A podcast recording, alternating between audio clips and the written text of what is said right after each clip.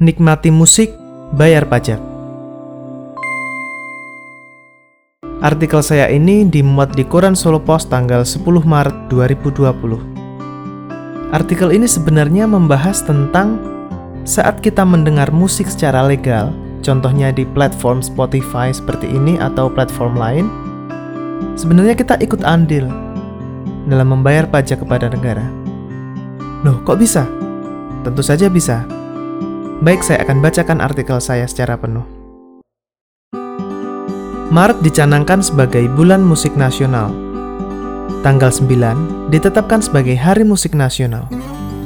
Penetapan ini disesuaikan dengan hari kelahiran W.R. Supratman, 9 Maret 1903, pencipta lagu kebangsaan Indonesia Raya.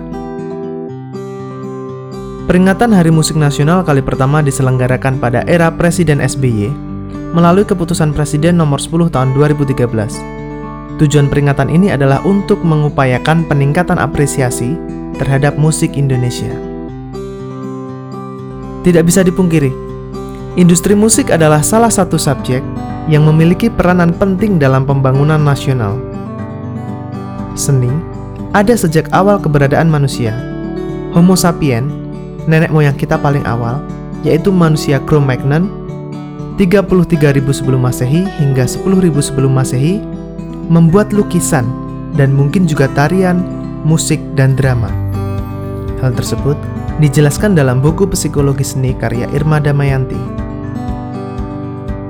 Kegiatan berkesenian terus berkembang mengikuti zaman, seperti sejarah musik Eropa abad pertengahan, musik yang awalnya digunakan sebagai pengiring acara keagamaan kemudian berevolusi menjadi musik yang menyangkut hiburan atau duniawi. Setelah tahun 1900, musik menjadi subjek yang menarik untuk dijadikan bahan kajian, baik dari sisi musikal itu sendiri, strategi ekonomi, psikologi, hingga sosial. Perdebatan mengenai kapan dimulainya era musik industri sampai sekarang masih ada, karena keilmuan dan asupan bacaan setiap orang yang berbeda. Satu pandangan mengenai era musik industri dalam skala masif ialah sejak Thomas Alva Edison menemukan fonograf, yaitu alat untuk merekam dan memutar ulang audio yang dipatenkan tahun 1878. Pada 1906 hingga 1920, Thomas melalui National Phonograph Company memberikan alternatif pilihan mendengar musik kepada masyarakat yaitu dengan menjual kepingan rekaman musikus. Penjualan kala itu kalah bersaing dengan radio yang juga sedang berkembang. Masyarakat lebih memilih mendengarkan musik melalui radio karena relatif lebih murah dan mudah. Setelah itu, fonograf terus diperbaiki dari segi kualitas dan menjadi cara utama memproduksi rekaman audio hingga kemudian digantikan kaset pita dan compact disc atau biasa kita sebut CD. Pada era kaset pita dan CD, tahun 1980 hingga 2006-an, penjualan album fisik melunjak luar biasa. Seniman musik meraup pendapatan besar dari royalti. Angka penjualan album hingga ratusan ribu bahkan jutaan unit bukanlah hal yang sulit pada masa itu. Contohnya, penyanyi Nika Ardila yang disebut berhasil menjual 30 juta unit album fisik selama karirnya. Gelimang royalti, dan padatnya jadwal konser membuat banyak seniman musik ikut arus dalam pembuatan demo lagu dan mengirimkan ke perusahaan rekaman.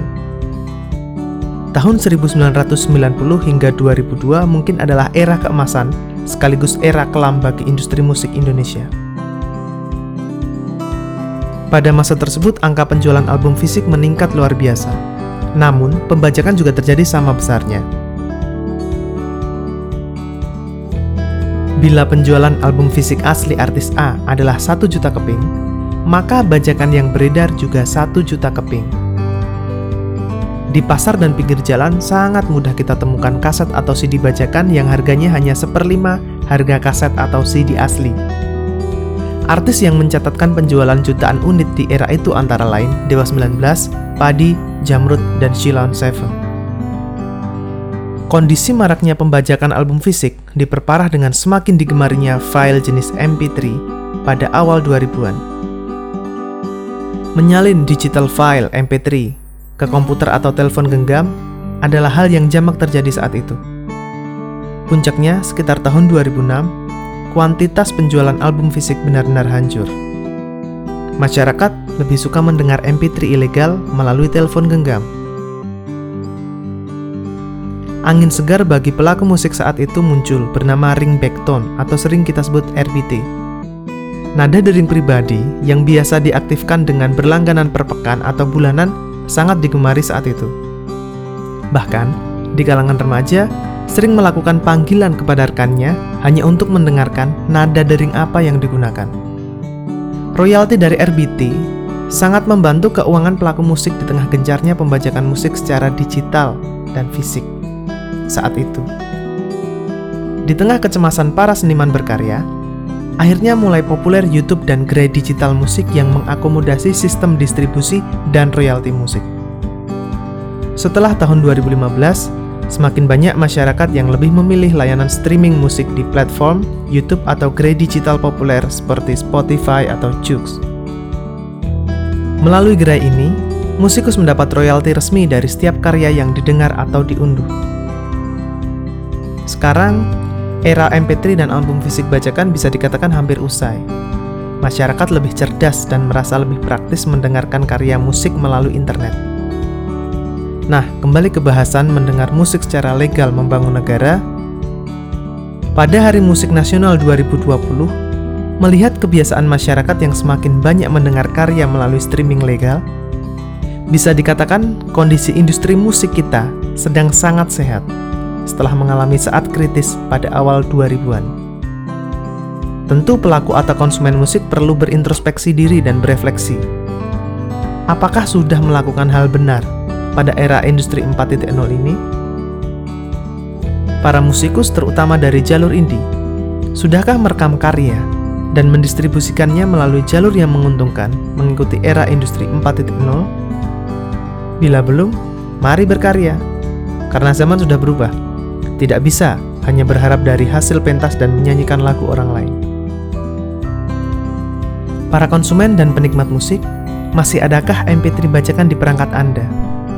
Bila masih, segeralah hapus dan berubah ke layanan streaming legal. Banyak masyarakat yang masih bingung. Kenapa harus mendengar musik secara legal? Begini sederhananya. Saat Anda mendengar musik secara legal, contohnya melalui gerai digital, maka Anda ikut andil dalam pembangunan Indonesia. Karena musikus yang Anda dengar karyanya mendapat royalti, kemudian membayar pajak kepada negara. Dan ketika Anda mendengar musik secara gratis, Anda tetap membeli kuota internet. Dalam pembelian kuota internet tersebut, ada pajak yang tanpa sengaja Anda bayarkan kepada negara. Menggembirakan? Tentu saja, Mendengar musik legal membantu membangun negara. Selamat Hari Musik Nasional.